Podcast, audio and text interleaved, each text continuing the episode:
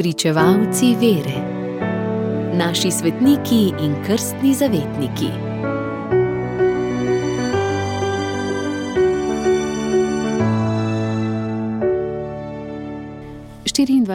Julija goduje sveti Krištof mučenec.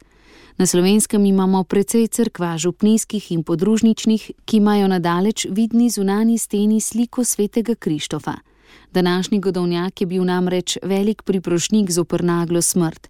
V vernem človeku se je utrdilo zaupanje, da je zadosti, če na vse zgodaj zjutraj pogledaš svetnikovo podobo, pa tisti dan ne umreš nagle smrti.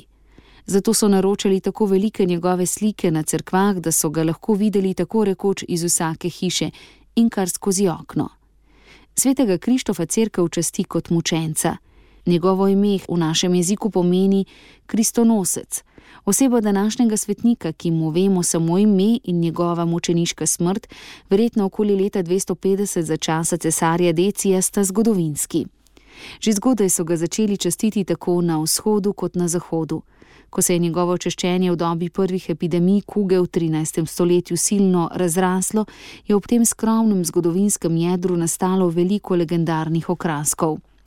Po teh virih naj bi bil Krištof doma iz kananske dežele, iz severnega predela Palestine.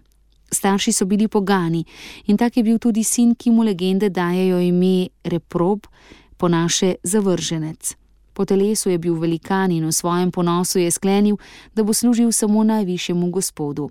Zmenil se je z mogočnim kraljem in bil pri njemu v službi dotlej, ko je videl, da se kralj boji hudiča. Pustil je kralja in je šel služiti hudiču. Nekoč sta Krištof in hudič šla skozi gost ter prišla do križa. Hudič se je začel tresti od strahu in velikan je spoznal, da je križani močnejši kot hudič, zato je sklenil, da mu bo služil z vsem srcem. Dal se je krstiti in pri krstu je dobil ime Krištof.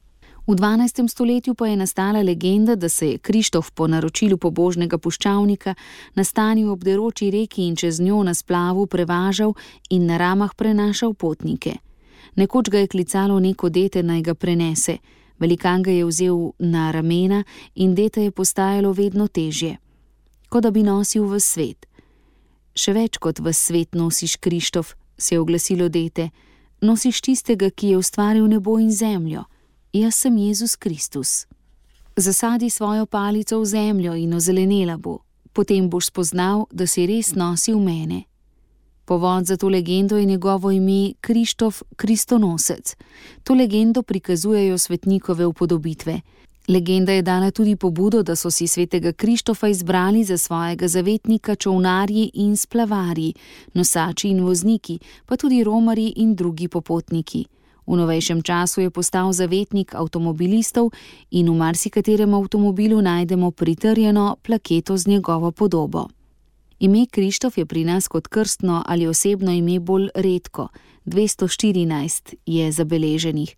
Znane so tudi nekatere različice: Kris, Kristo, sorodno ime je Kristjan, ki pa goduje tudi 26. julija in 22. novembra, ko sta v koledarju svetnika s tem imenom, ali pri sveti Kristini.